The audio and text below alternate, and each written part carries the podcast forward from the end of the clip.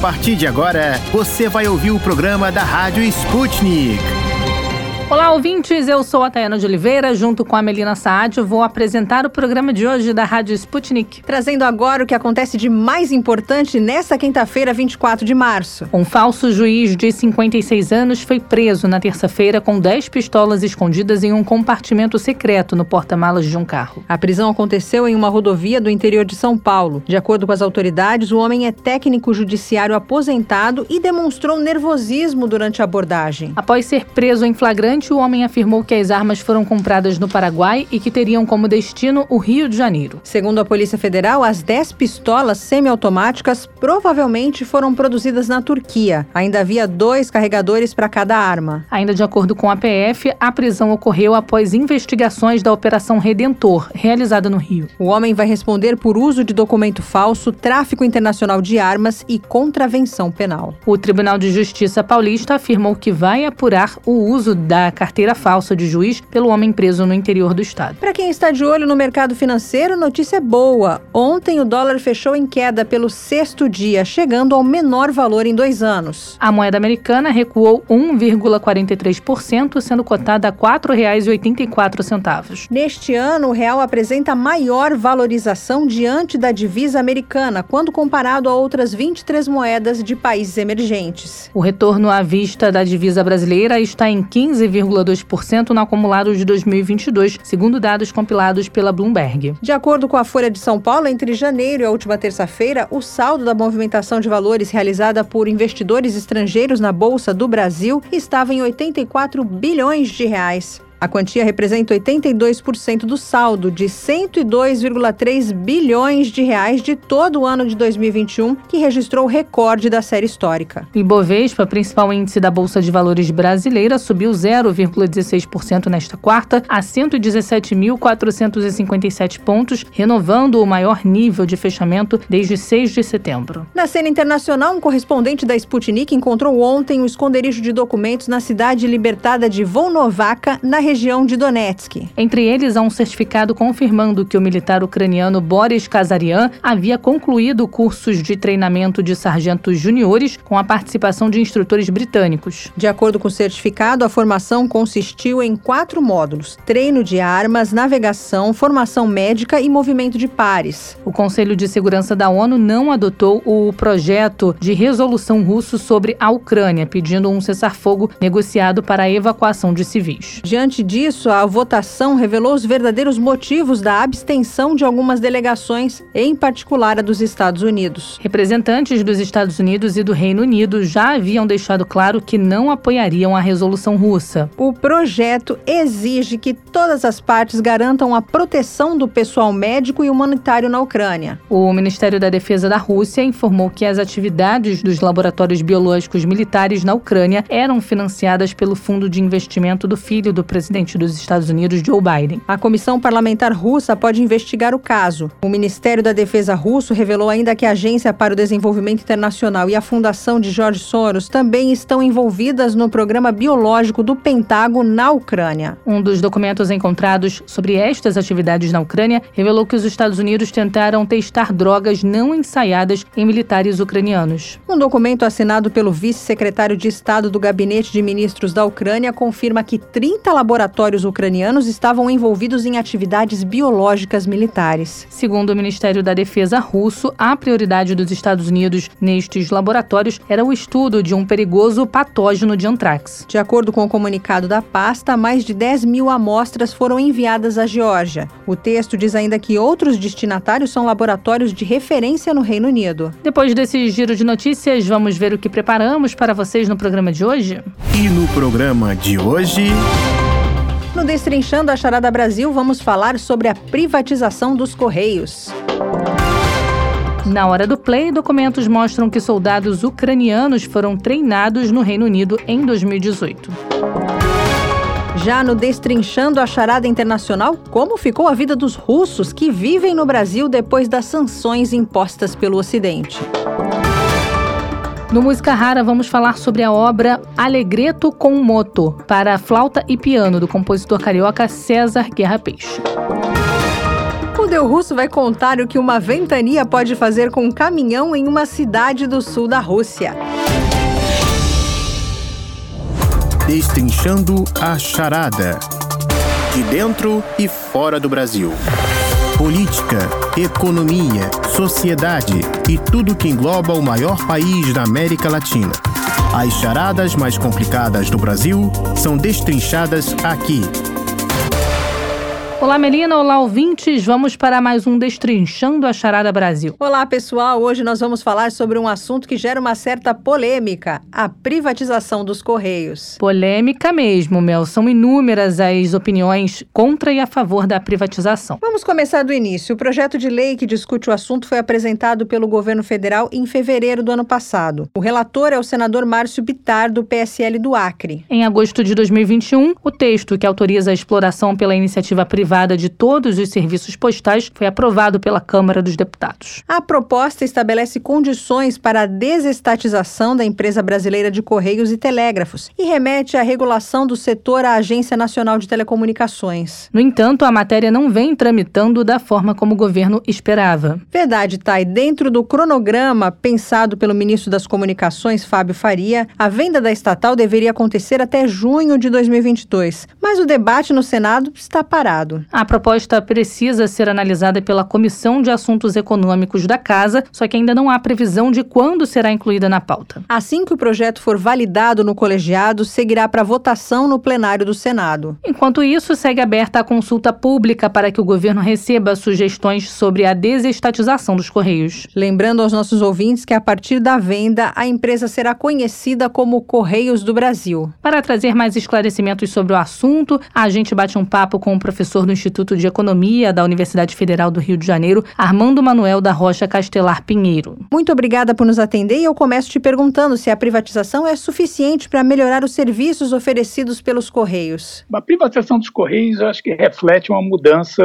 de época, novas tecnologias, né? O Correio antigamente era a única fonte com que as pessoas tinham de receber informações, cartas. Hoje em dia, obviamente, todo mundo usa e-mail, WhatsApp, mensagens de SMS, e também aumentou muito a disponibilidade de serviços privados de entrega de encomendas, inclusive às vezes até de, envelopes de maneira geral, né? Então a privação dos correios, eu acho que reflete esses novos tempos. Eu entendo que o, o objetivo até maior do governo é a abertura do setor, abrir a competição, abrir a possibilidade de outras empresas entrarem. E a experiência das telecomunicações é que é muito difícil para uma empresa estatal competir em igualdade de condições com outros concorrentes que entram no mesmo segmento, né? Então, se o correio privatizar é suficiente, eu acho que desde o início a ideia é mais do que privatizar, é abrir o setor para poder ter competição. Eu acho que nesse ambiente, sim, eu acho que a tendência é que com maior liberdade de gestão, com maior liberdade de compras, de licitações, o correio vai ter condição de aumentar a eficiência, sim, e de forma geral a gente vai ter serviços de melhor qualidade. Que impacto a privatização pode provocar no bolso do consumidor? Eu acho que a tendência é uma redução de preços, mas mais do que isso,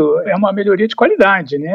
Mais velocidade na entrega, mais certeza na entrega, porque não é só privatizar, é privatizar e abrir o setor, né? Alguns itens são monopólio da estatal, como a entrega da conta de luz e água. A possibilidade de haver concorrência nesse tipo de serviço traz benefício para o cliente? Sem dúvida, porque você passa a ter ou pressão para o correio reduzir o custo ou a entrada de outro concorrente, né? Eu acho que é um bom exemplo, né? As próprias empresas fornecedoras de serviços serviço nas grandes cidades tem total capacidade de distribuir uma conta de luz, que é só de casa em casa. É menos complexo logisticamente do que, obviamente, uma entrega de uma encomenda, ou mesmo de uma carta comum, né? Mas acaba, como é um monopólio, você acaba sendo obrigado a fazer. Monopólios são sempre coisas ruins, né? São sempre coisas que sempre prejudicam o consumidor. O projeto de lei de privatização dos Correios ainda divide opinião no Senado. Há risco de o projeto ser barrado na Comissão de Assuntos Econômicos? Oh, é um projeto de privatizações historicamente desde que a gente começa a discutir privatizações no início dos anos 70, sempre mexe muito com paixões, né, com visões de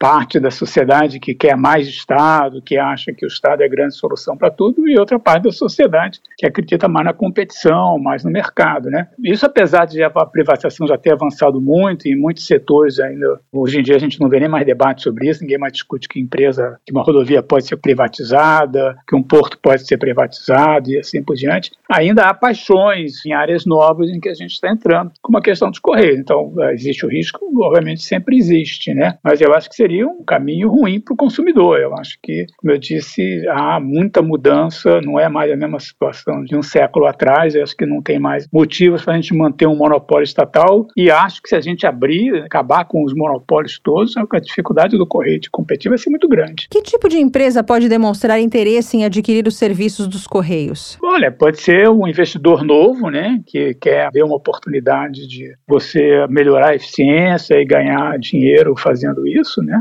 Pode ser uma empresa que atua no setor, né, com uma outra empresa, por exemplo, que distribui encomendas e assim por diante, né.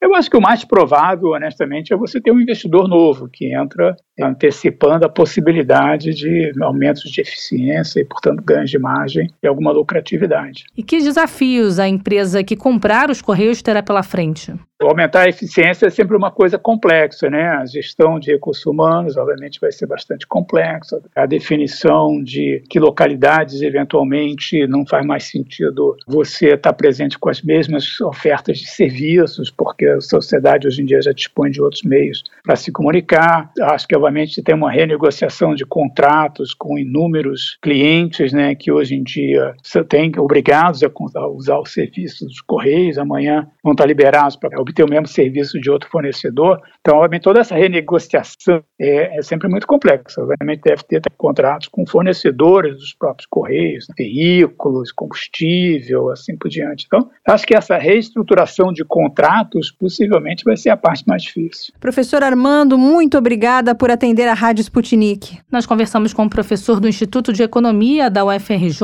Armando Emanuel da Rocha Castelar Pinheiro. Até a próxima, professor. Enquanto a privatização é aguardada, os Correios anunciaram um lucro histórico, 3 bilhões e 700 milhões de reais no ano passado. O valor é duas vezes maior do que alcançado em 2020. Segundo a estatal, o lucro representa o melhor resultado em 22 anos. Lembrando que esse foi o terceiro ano consecutivo de balanço positivo. Mesmo assim, o presidente da empresa, general Floriano Peixoto, afirma que o projeto de privatização é fundamental para a sobrevivência dos Correios. Ao que tudo indica, Mel, essa discussão ainda vai dar muito pano para manga. E nós vamos seguir acompanhando tudo por aqui. E esse foi o Destrinchando a Charada Brasil de hoje. Sexta-feira tem mais.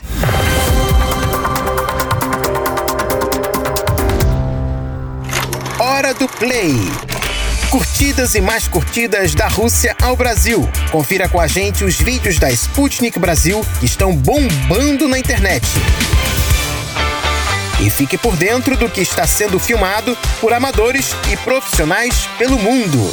Vamos nessa, Mel. Chegou a hora mais esperada do dia, que é a hora do play. Ah, é mesmo. Eu fico muito curiosa para saber o que é que está bombando na internet. Olha, eu adoro saber o que as pessoas mais viram e curtiram no dia de hoje. Então, já que nós, os ouvintes, queremos saber, traz pra gente, Tito. Direto da Sputnik de Moscou, o que você manda, meu amigo? Olá, queridos amigos da Rádio Sputnik. Eu sou Tito da Silva e estes são os vídeos da Hora do Play. Para aqueles que não sabem onde encontrar os vídeos da Hora do Play, é muito simples os achar. Basta você digitar no seu navegador Sputnik Brasil Odyssey e entrar no canal da Sputnik Brasil na plataforma de vídeos Odyssey. Não sabe escrever Odyssey? Eu soletro para você. O D Y S E E. E no primeiro vídeo de hoje, de acordo com documentos obtidos pela Sputnik, militares ucranianos receberam treinamento de instrutores britânicos ainda em 2018. Um correspondente da Sputnik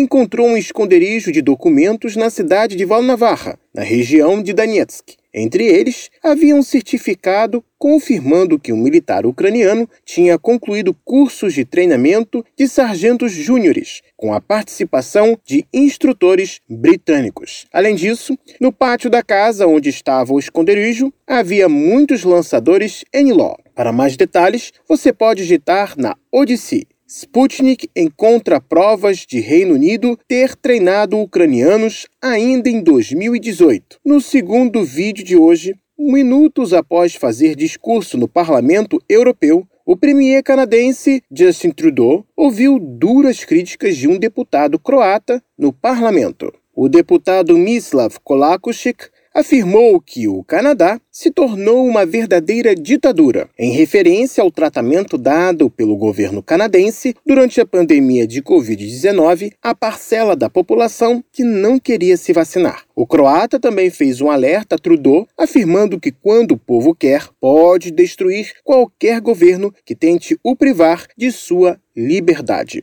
O vídeo do deputado você encontra digitando na Odyssey, Parlamentar Europeu o Canadá se tornou uma ditadura do pior tipo. No terceiro vídeo de hoje, após inúmeras sanções ocidentais terem sido impostas contra a Rússia por sua operação militar na Ucrânia, o presidente Vladimir Putin anunciou que seu país só venderá aos países europeus gás em rublo. Mas quais as consequências a esperar de tal medida? Especialistas possuem diferentes opiniões sobre o assunto. Alguns acreditam que a medida de Putin valorizará o rublo russo, ao passo que dará um golpe ao sistema de pagamentos baseados em dólar americano.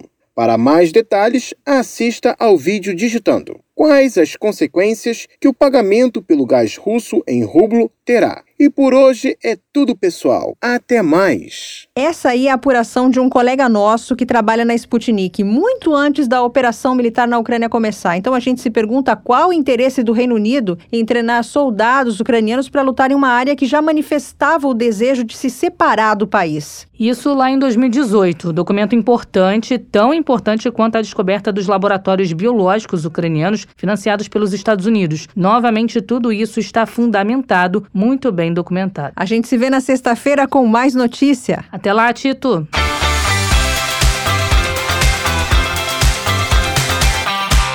Destrinchando a charada.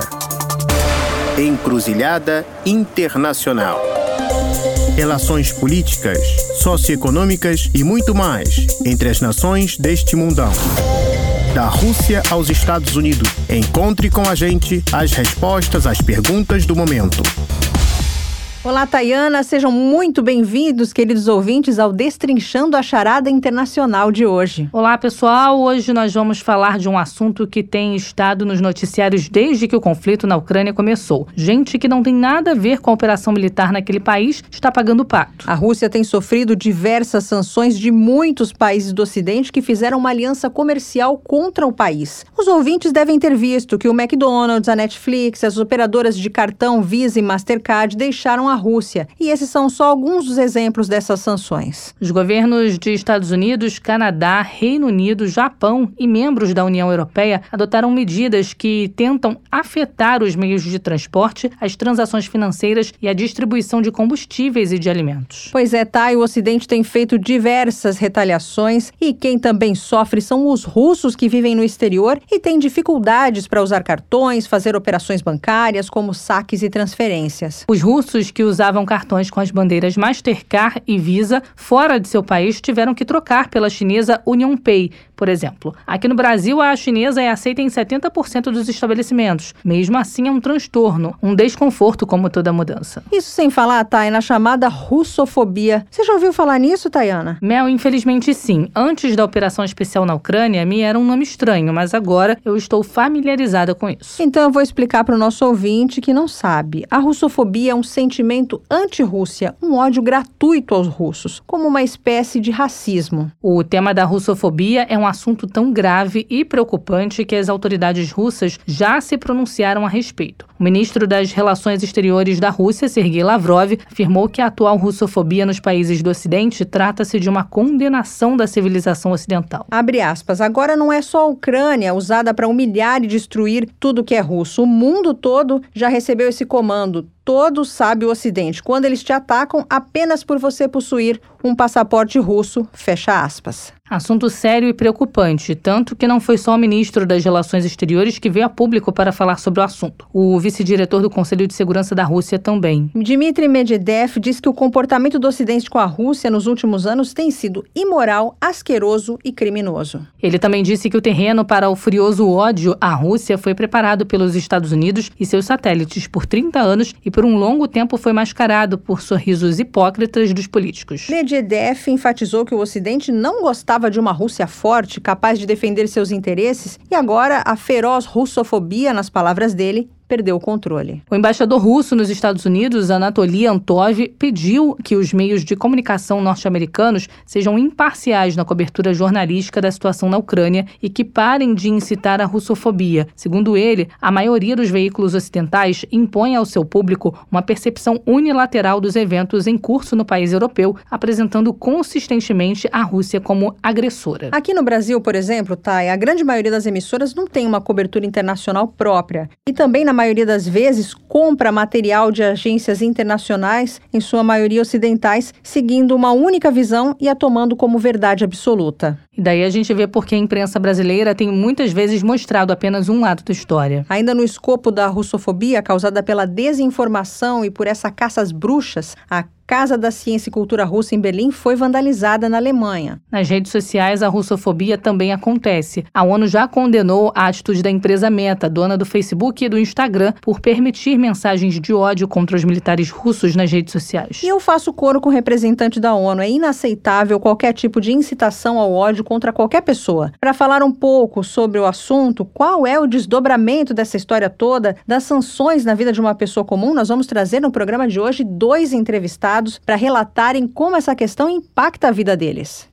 Primeiro, eu chamo o Wagner Botelha para a nossa conversa. Ele é casado com uma mulher russa, os filhos dele são russos e estão lá. Já o Wagner fala com a gente diretamente de São Paulo. Wagner, seja muito bem-vindo ao Destrinchando a Charada Internacional. Quais as dificuldades você tem tido por conta das sanções impostas pelo Ocidente à Rússia? Você, estando no Brasil, como faz para mandar dinheiro para a família que está na Rússia? Por comodidade, eu fazia transferência para a Rússia por meio do app do Banco Brasileiro mesmo né? E desde que se iniciaram essas sanções com o SWIFT, todas essas operações em todos os bancos brasileiros têm sido canceladas. Então, a dificuldade que eu tenho tido é imensa, porque ela não pode retirar dinheiro por cartão de crédito, porque não funciona lá o cartão de crédito com as bandeiras eh, brasileiras lá. Então, é muito difícil. O que a gente está contando é com solidariedade, por exemplo, de russos que moram no Brasil e precisam de reais, eu deposito dinheiro na conta deles e eles acabam depositando rublos na minha conta lá na Rússia. E existem também alguns mecanismos que eu estou tendo conhecimento agora de empresas chinesas que estão trabalhando, né,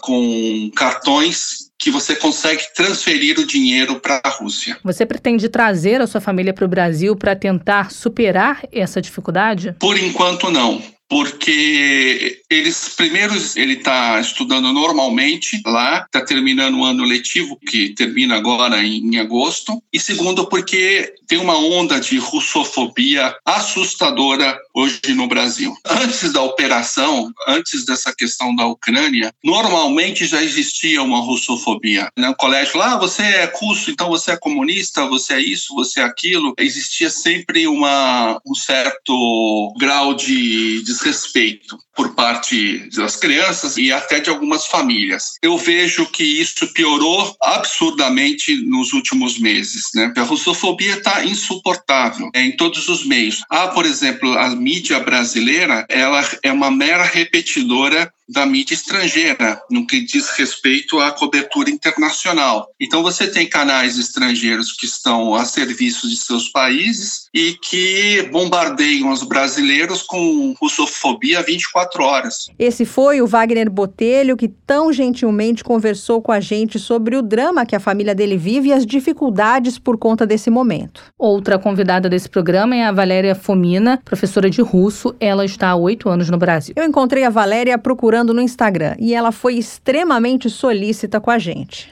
Valéria, você publica muitas coisas sobre a cultura russa na sua página. Como você enxerga esse conflito? Então, assim, a situação é bem complicada, obviamente, né? Eu tô aqui no, no Brasil, mas minha família toda tá na Rússia e eu também tenho vários amigos que uh, moram na Ucrânia ou são da Ucrânia e a família deles mora lá. Então, assim, o povo russo e o povo ucraniano são dois povos muito próximos.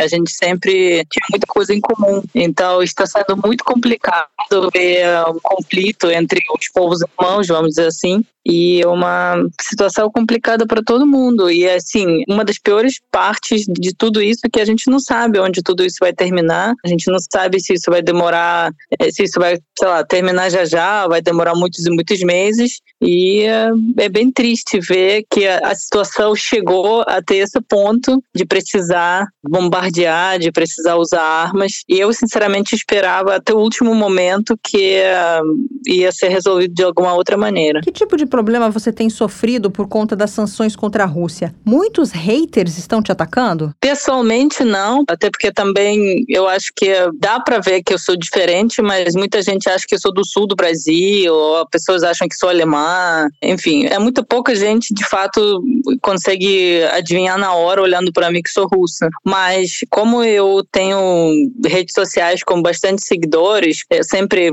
ativamente participo, né, e expresso minha opinião e tal. Sempre falei sobre a Rússia, sobre cultura russa. E aí, obviamente, eu comecei a receber as mensagens desagradáveis e tem gente que ataca não só fala sobre a Rússia, né? A Rússia é isso, a Rússia é aquilo, a Rússia é assassino, a Rússia é um país que está matando gente, mas também pessoas vieram falar pessoalmente para mim, assim, ah, você é russa, não queremos você aqui, você volta para a Rússia. E aí a questão é que, assim, tudo bem, eu sou russa, mas eu moro no Brasil tem oito anos, então eu fico muito triste porque eu recebo essas mensagens praticamente todo dia, até hoje. E quanto à questão financeira? Nós sabemos que a sanção no sistema SWIFT dificultou a operação dos bancos russos com os bancos brasileiros. Eu tenho conta hum, no banco russo, só que, assim, pela internet eu consigo usar essa conta até hoje. Não consigo sacar dinheiro se eu precisar, eu tenho algum dinheiro lá também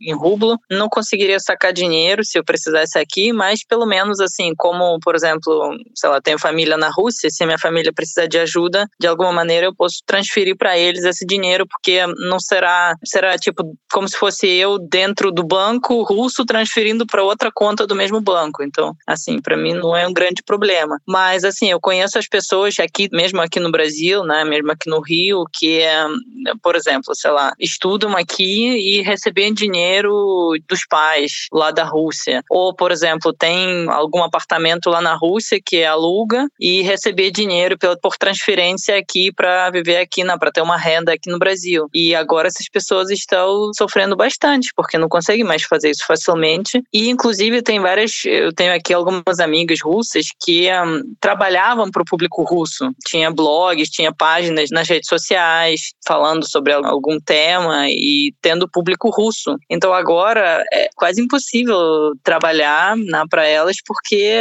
primeiro, que o Instagram foi bloqueado, na maior parte das redes sociais internacionais, na Facebook, Instagram, Twitter, tudo foi bloqueado na Rússia. E outro ponto que mesmo se você ainda tem clientes na Rússia, essas pessoas não podem mais transferir dinheiro para você, sei lá, para sua conta brasileira, americana ou qualquer outra conta. Então, a situação é bem complicada mesmo. Vale lembrar que o Instagram e o Facebook estão bloqueados na Rússia por extremismo após a meta permitir que se incite a violência contra militares russos nessas redes. Essa foi a Valéria Fomina, professora de russo, ajudando a gente a entender como as sanções em decorrência da operação militar na Ucrânia, que já dura pouco mais de um mês afeta a vida de russos que vivem fora do país. Mel, nossos dois entrevistados também trouxeram a questão da russofobia e a gente encerra aqui dizendo que nenhum tipo de discriminação deve ser aceita. Obrigada, Valéria, pela entrevista e a gente se solidariza, né, Thay, com essa situação delicada que ela e tantos outros russos no Brasil e ao redor do mundo estão sofrendo. O Destrinchando a Charada Internacional fica por aqui e até sexta.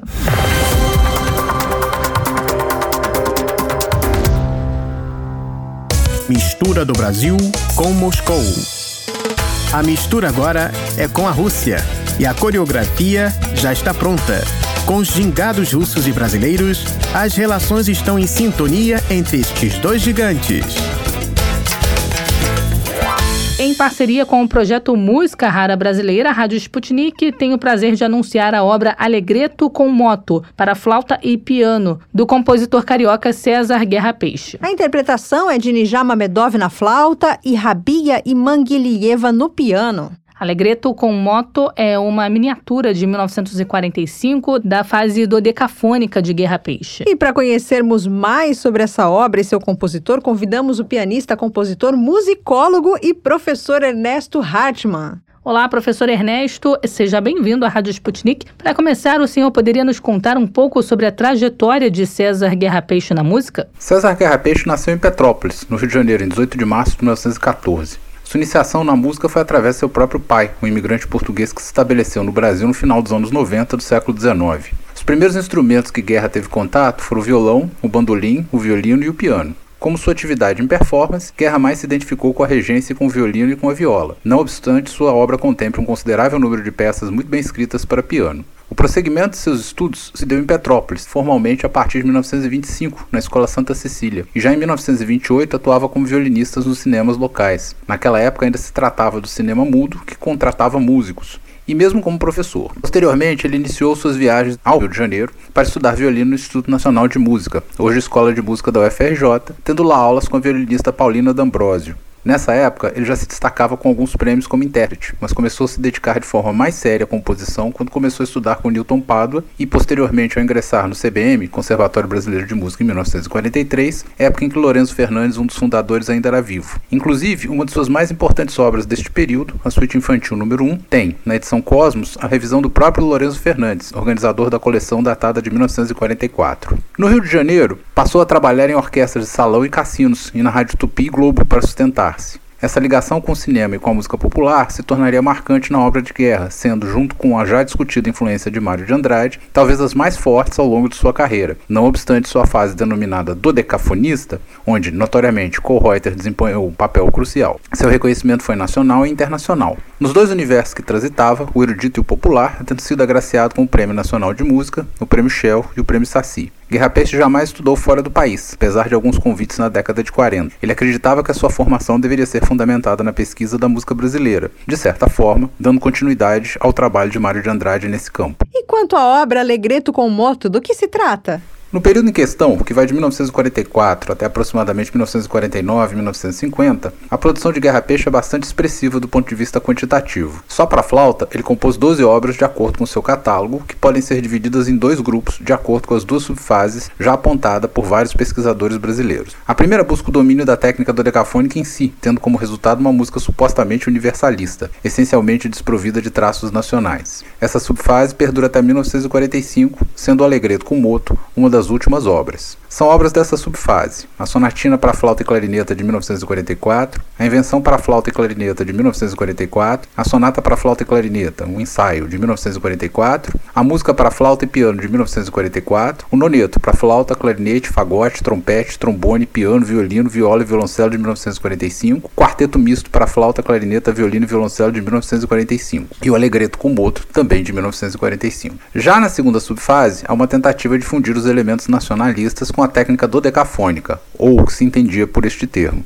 Essa subfase perdura até 1940-1950, onde há uma mudança definitiva do compositor rumo a uma estética nacionalista. Mas algumas obras para flauta foram compostas, que são o Duo para flauta e piano de 1947, Melopeias número 1 para flauta solo de 1947, o Trio número 1 para flauta, clarinete e fagote de 1948, a Melopeias número 2 para flauta solo de 1948 e a Suíte para flauta e clarineta de 1949. O Alegreto Kuboto é, de fato, uma miniatura. Porém, como analisou Fábio Henrique Viana em sua dissertação de mestrado, a comunicabilidade nas peças dodecafônicas para flauta e piano de César Guerra Peixe em 2005 se estrutura em 11 pequenas sessões que, por sua vez, compõem uma forma similar a uma sonata com exposição, desenvolvimento, reexposição, desenvolvimento terminal e uma pequena coda.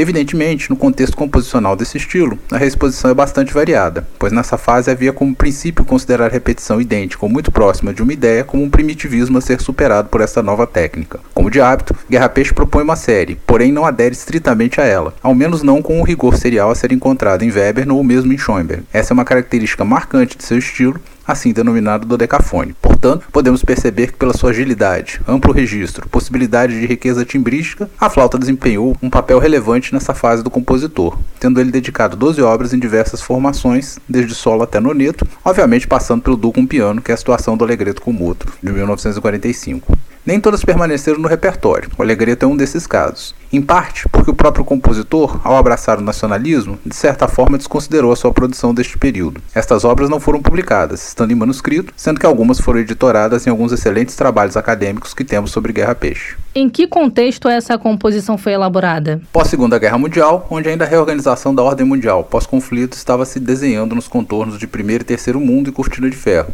Uma Europa devastada pelo conflito e o confronto ideológico se construindo no que assistimos na década seguinte à Guerra Fria.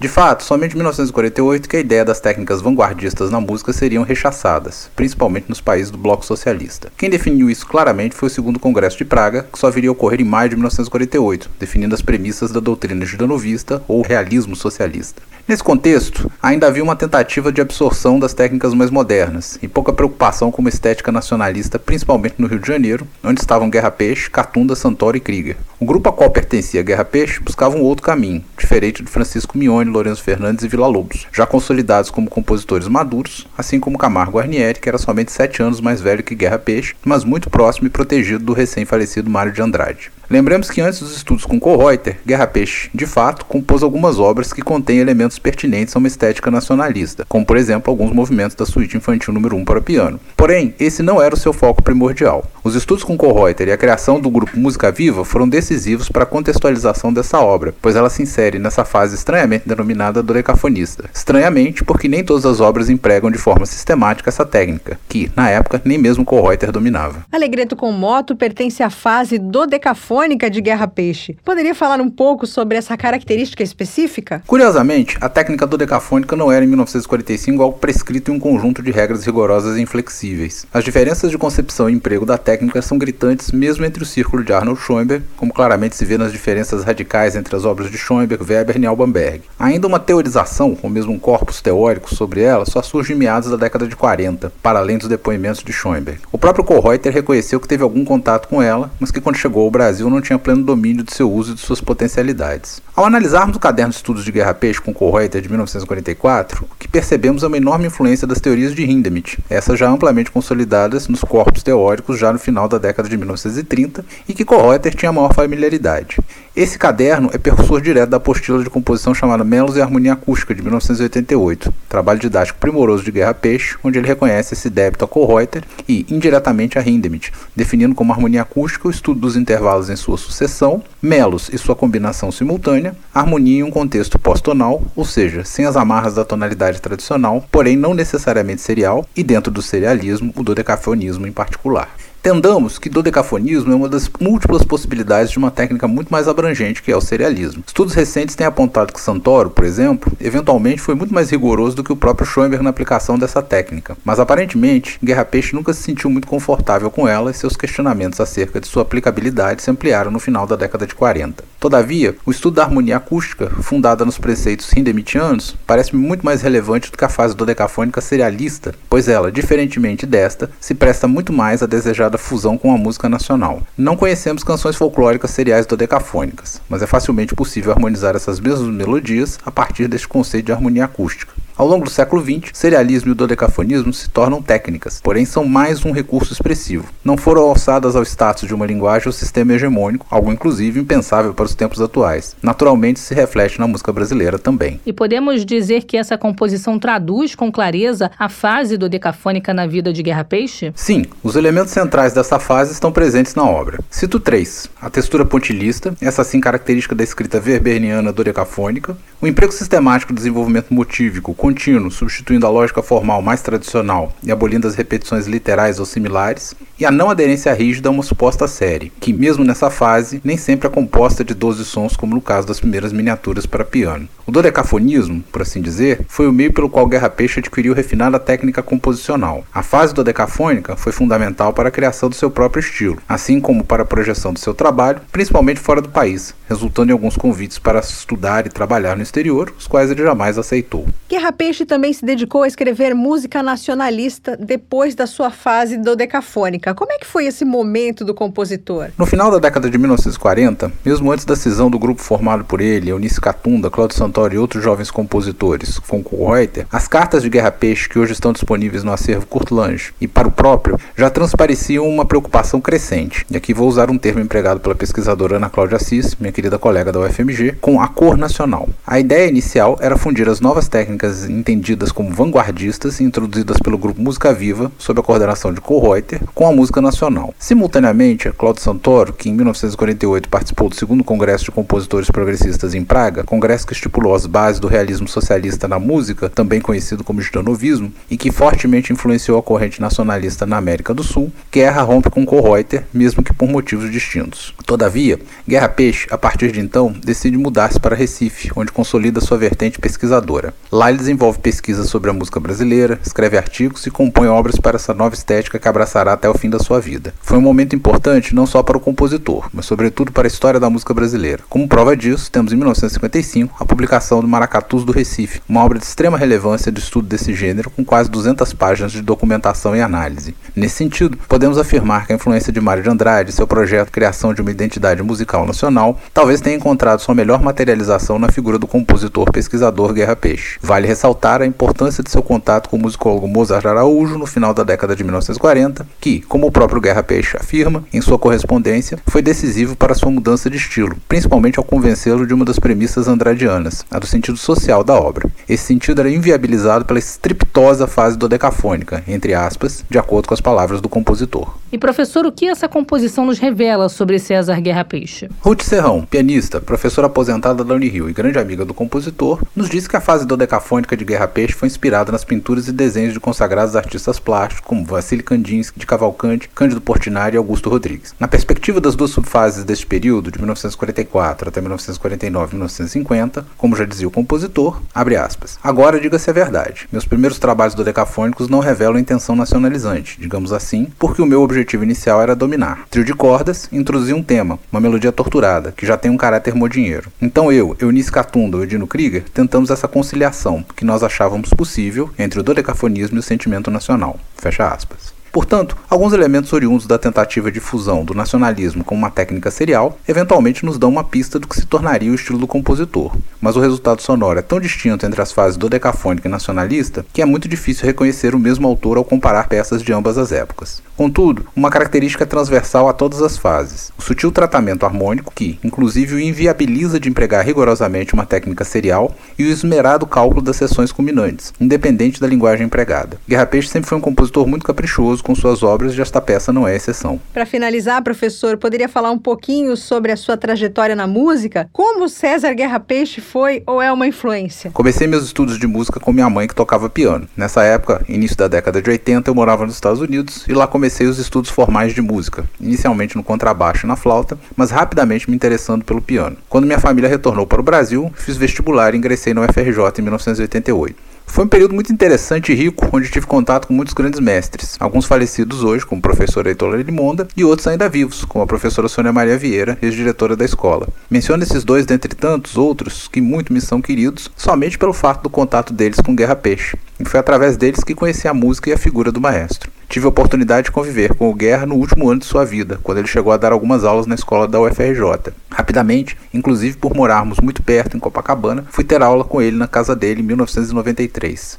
Posteriormente, trabalhei na escola de música Vila Lobos da Funarge, onde a marca do Guerra é indelével. Em 2000 me mudei para Belo Horizonte, onde trabalhei na Universidade do Estado de Minas Gerais e na UFMG, Universidade Federal de Minas Gerais, dois lugares onde novamente Guerra Peixe teve um papel de grande influência na formação. Muitos documentos do maestro ainda estão lá na biblioteca da UFMG.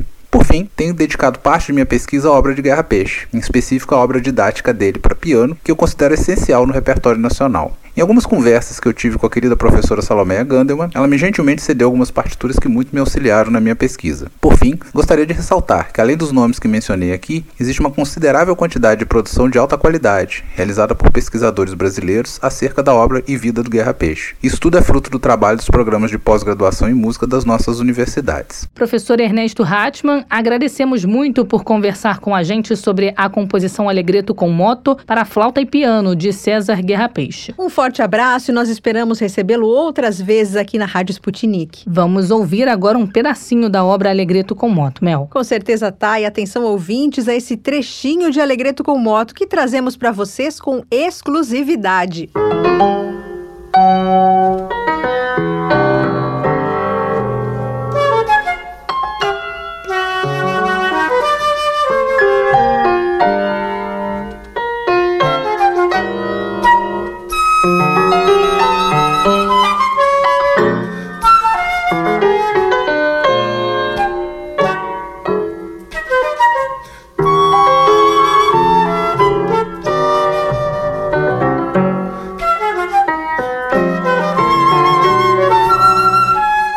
Lembrando, ouvintes, que a obra Alegreto com Moto, do compositor César Guerra Peixe, será publicada nesta sexta-feira, 25 de março, no canal do Zenon, Instituto Cultural no YouTube, a partir das 3 horas da tarde. Acessem o canal do Zenon Instituto Cultural e conheçam também inúmeras obras de compositores de todo o Brasil. Desejamos um ótimo concerto para todos vocês, repleto de música rara brasileira. Até a próxima.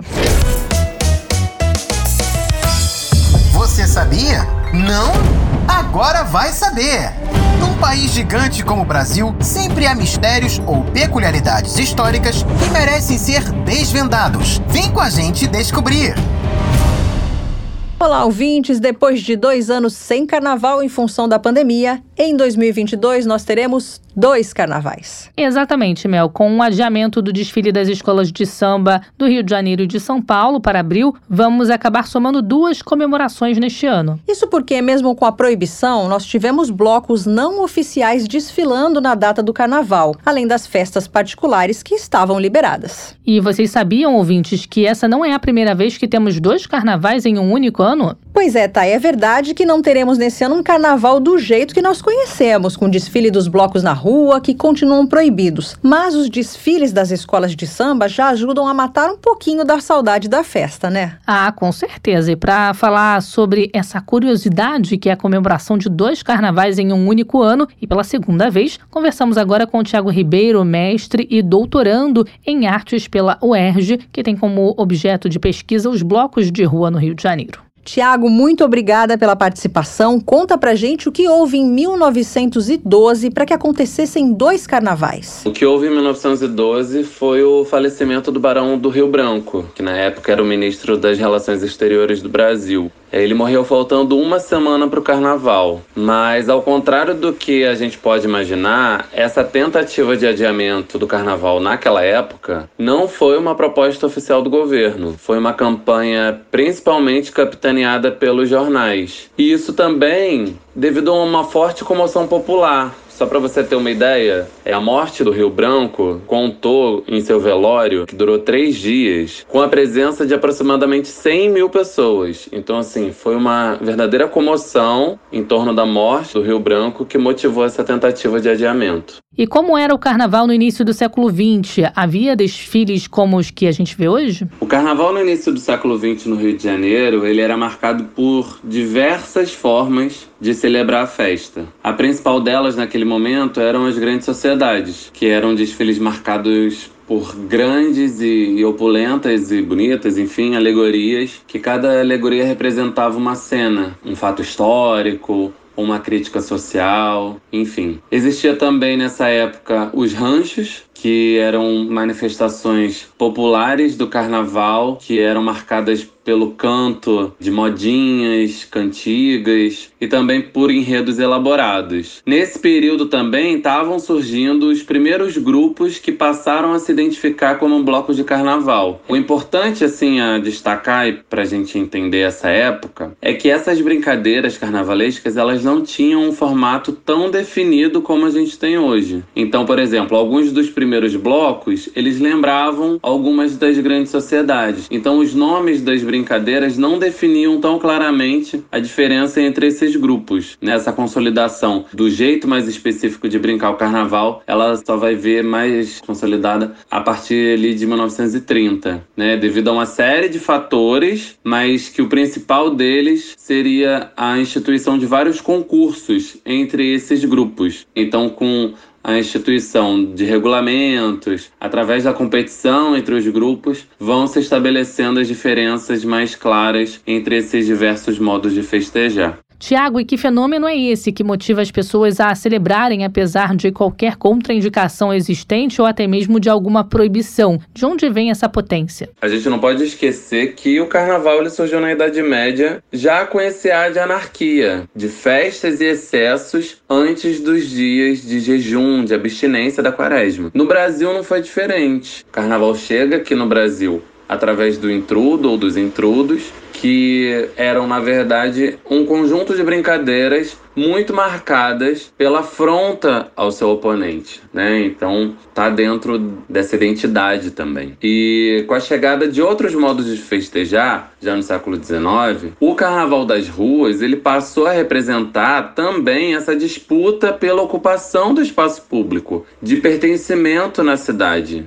Então, ocupar as ruas nos dias de carnaval é também, a gente não pode esquecer, um ato político e de cidadania. É um ato de reconhecimento de que a cidade é de todo mundo. Mas é claro que a gente não pode esquecer que existem limites e que nem sempre há uma unanimidade sobre essas pautas. Durante a Segunda Guerra Mundial, por exemplo, várias agremiações carnavalescas deixaram de desfilar. Outras, por sua vez, como as escolas de samba, por exemplo, elas desfilaram mesmo assim. Então essa unanimidade não é tão clara como, por exemplo, no ano passado, no auge da pandemia em 2021, a gente não teve carnaval pelas ruas para evitar o contágio da doença doença. Eu só acho importante a gente destacar que festejar o carnaval, ele não é sinônimo de que a vida vai bem. Que normalmente isso é um argumento que tá na boca ou no pensamento dos críticos ao carnaval. É que eu acho que o melhor exemplo é a festa de aniversário, né? Assim como a gente não deixa de celebrar todos os anos o nosso aniversário, mesmo que a gente esteja cheio de problema, o carnaval também, ele não vai ocupar as ruas só quando o mundo estiver sem um conflito. Em 1912, a questão principal era o respeito ao luto, certo? Assim foi considerado uma afronta celebrar o carnaval ou houve um senso de compreensão em nome dos vários significados da festa? Em 1912, a gente não teve também um consenso sobre essa realização do carnaval. A gente tinha de um lado os jornais que publicavam várias charges com críticas a quem tivesse interessado na farra, divulgando também abaixo assinado para o adiamento da festa. A gente tinha grande sociedade, algumas resolveram não desfilar, inclusive grandes sociedades que participaram do cortejo fúnebre do Barão de Rio Branco. Mas a gente também teve, do outro lado, outros grupos que resolveram festejar mesmo assim. Mas eu acho que o mais irônico daquele carnaval é que o principal local de desfiles daquela época era a Avenida Central, que mudou de nome para a Avenida Rio Branco em homenagem ao falecido. E essa mudança de nome foi antes do carnaval. Então, quem resolveu festejar aquele carnaval ainda brincou na avenida que dava nome ao falecido Rio Branco. E agora, em 2022, como você percebe a reação da sociedade e das autoridades diante de quem decidiu festejar o carnaval antes da data marcada? Já nesse caso de 2022, agora, eu também não vejo um consenso. O adiamento da festa para abril, a gente não pode simplificar a questão, né? A gente tem que perceber que não foi por um único motivo, não foi só pela razão sanitária. Muitas marcas que patrocinam a festa, por exemplo, não estavam dispostas a verem a sua imagem relacionada a essa polêmica, enquanto a gente ainda estava com um cenário de muita incerteza diante da variante Ômicron da Covid-19. Outros grupos, por sua vez, que não dependem de autorização do poder público para desfilar, que não pretendem estabelecer parcerias econômicas com empresas, eles se sentiram mais livres para festejar nas ruas. E assim eles fizeram. Você podia falar um pouco sobre a história do carnaval para o Rio e para o Brasil?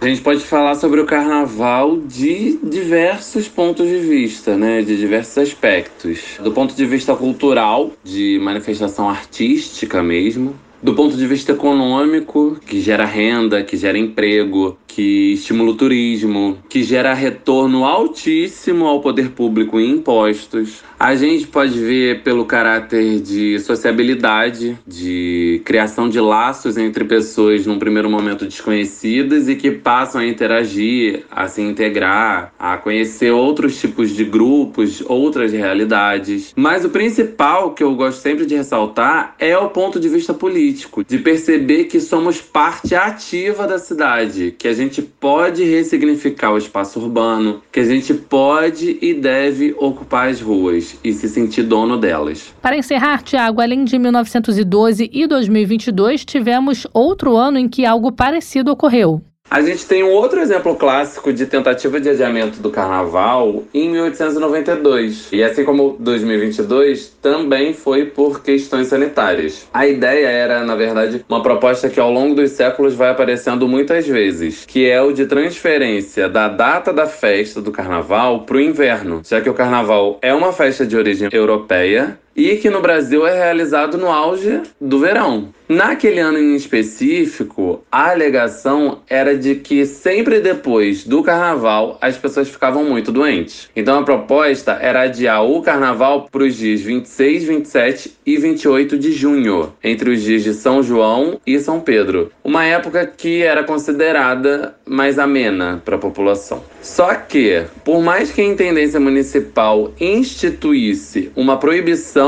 de autorização para qualquer grupo desfilar, qualquer grupo carnavalesco, as festas privadas rolaram normalmente. E muita gente saiu às ruas também, festejando também normalmente. E em junho, na data do adiamento, festejou de novo. Então por isso que antes que essa moda de dois carnavais pegasse, a ideia foi logo abolida no ano seguinte. Então isso mostra que o carnaval, ele não se faz só por decreto que qualquer tentativa de transferência da data, ela não pode ser ingênua de imaginar que durante a data oficial do carnaval, né, em fevereiro ou março, ninguém vai se lembrar dessa data, ninguém vai lembrar da festa ou vai viver o seu dia como se fosse um dia qualquer. A gente está falando de uma tradição secular que faz parte da nossa identidade. Tiago, muito obrigada pela participação. Agora é só aguardar os desfiles desse ano, né, Thay? Com certeza, Mel. O Você Sabia de hoje fica por aqui aqui e até a próxima.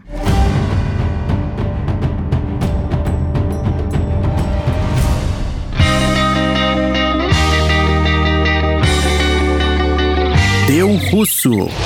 De notícias bizarras do Brasil já estamos mais que saciados. E as bizarrices que acontecem na Rússia, hein? É outro nível, rapaziada. Ih, deu russo! Se vocês acham que rajadas fortes só atingem os Estados Unidos, sentem aí que lá vem história, caros ouvintes. Não faz muito tempo que um tornado matou uma pessoa e destruiu muitas casas em Nova Orleans, nos Estados Unidos. E pelo visto, ventos fortes decidiram dar as caras lá na Rússia. Talvez sejam outros ventos, mas a força da ventania na cidade russa de Novorossiysk não deixou a desejar. Novorossiysk fica no sul da Rússia e é banhada pelo Mar Negro. Talvez os ventos fortes vieram do mar talvez de outro lugar. O mais importante é como a ventania foi sentida pela população da cidade meridional russa, que tem quase 250 mil habitantes. Em uma bela tarde no sul da Rússia, quando menos esperavam, os ventos tomaram conta da cidade de Novorossiysk. Tinha gente se segurando nos postes, tinha gente fechando as janelas de casa. Tudo vale na hora de uma forte ventania, ouvintes. Agora me veio à cabeça uma pergunta. O que acontece com quem está no trânsito? Bem, o importante é fechar todas as janelas do carro e não entrar em pânico, pois o vento que chega acaba indo embora uma hora ou outra. Tem razão, e pelo visto, um motorista russo decidiu seguir os seus conselhos, Thay. Esperando o sinal ficar verde, um motorista russo fechou todas as janelas e ligou até a rádio para se manter calmo. Detalhe: no carro deste russo havia uma câmera ligada, algo muito comum nos veículos russos, ter uma câmera acoplada na parte de dentro do para-brisa para registrar tudo o que está acontecendo no trânsito. E na frente deste carro havia um pequeno caminhão. Quando a música tocava no carro do russo, o caminhão dançava para lá e para cá. Dois passinhos para um lado, dois passinhos para o outro. Os ventos estavam tão fortes, ouvintes, que a carroceria do caminhão estava chacoalhando todo o veículo. Muito provavelmente a carroceria deste caminhão estava vazia, pois era cada passo para lá e para cá que este veículo mais parecia um João teimoso de tanto que se mexia e não caía. Mas, para infelicidade do motorista deste caminhãozinho, a ventania foi mais mais forte e derrubou o seu veículo. Não só derrubou, como arrastou o caminhão pelo asfalto como se fosse um carrinho de brinquedo. Engraçado que a reação do motorista que estava ouvindo música e filmando tudo foi nula. Ele não expressou nenhuma surpresa. Nada. Dos carros que estavam no trânsito, só o caminhão capotou. O vento passou rápido como chegou e a tranquilidade voltou à tona na cidade meridional russa de Novorossiysk.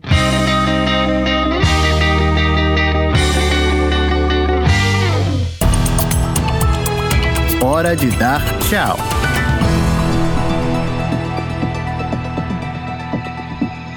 É isso então, queridos ouvintes. Acabou o programa desta quinta-feira, 24 de março. Semana tá acabando, hein, pessoal? É sim, Mel, e eu sei que os nossos ouvintes vão continuar ligados em toda a nossa programação. Para isso, basta dar uma passadinha no site da Sputnik Brasil, br.sputniknews.com, para conferir as notícias do momento. Lembrando que temos também nosso canal da Sputnik Brasil no ODC. Não dá para perder, né? Lá os nossos ouvintes encontram os vídeos dos assuntos mais importantes do momento tanto no Brasil como no resto do mundo. Fiquem ligados também nas informações sempre atualizadas no Twitter e Telegram da Sputnik Brasil. Boa quinta-feira, queridos, e até sexta. Você acabou de ouvir mais um programa da Rádio Sputnik.